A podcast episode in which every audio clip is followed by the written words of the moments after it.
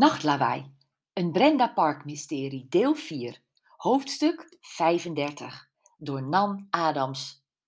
Oh, zuchtte Brenda, ik zal het hier missen. Ze keek naar haar vriendin. Nee, correctie, ik ga jou missen. Doe niet zo mal, je bent in een uurtje hier en je bent altijd welkom, dat weet je. Ja, dat weet ik. En ik ben jou en mama hartstikke dankbaar dat ik met Carlsen nog een week langer kon blijven om te herstellen. Gaat het goed met je voet en je polsen? Ja, elke dag beter. Schrijven gaat nog niet, maar een time-out is ook beleven lekker.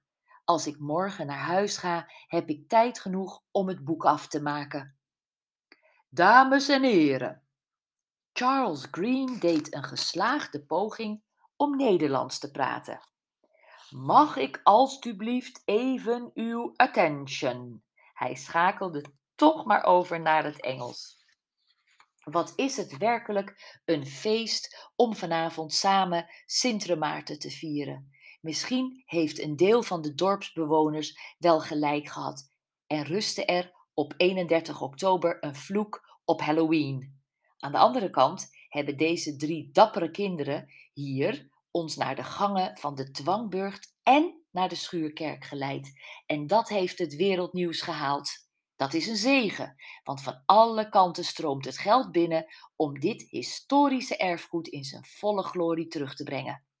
Voor deze perfecte communicatie en PR wil ik graag onze projectmanager bedanken, Karen. Brenda nam haar bekertje tussen haar tanden en klapte haar handen rood voor haar vriendin. Charles nam een slok van Lindes appelsieder. Mmm, wat is deze hot apple cider toch lekker spul. Ik vraag me af van welke appels dit wordt gemaakt, knipoogde hij. U begrijpt dat er op landgoed Kniesland een passende ruimte vrijgemaakt zal worden voor het verbouwen van deze heerlijke appels. En daarover gesproken, hij nam een grote envelop aan van Jackie en wendde zich tot Wilma. Beste Wilma, de geschiedenis van de vroegere bewoners van Kniesland heeft mij als afstammeling altijd al mateloos geboeid. Inmiddels is, door de gebeurtenissen in het appeloogstweekend, algemeen bekend wat voor familiaire motieven daar speelden. Ik wil daar niet meer op ingaan, maar wel Hanna noemen, jouw overleden zus. God hebben haar ziel. Hanna kreeg in 1962, het jaar dat voormalig koningin Wilhelmina overleed, een zusje dat, zoals al eerder in de familie was gebeurd, de naam van de vorstin kreeg, Wilhelmina. Roepnaam Wilma. En hier ben jij, Wilma, als enig overgebleven familielid van Johannes Smit, die in 1875 een stuk van de appelgaarde kreeg van mijn voorvader Karel Groen. Charles pakte de hand van zijn vrouw en trok haar naar zich toe. Lieve mensen, we kunnen het niet laten.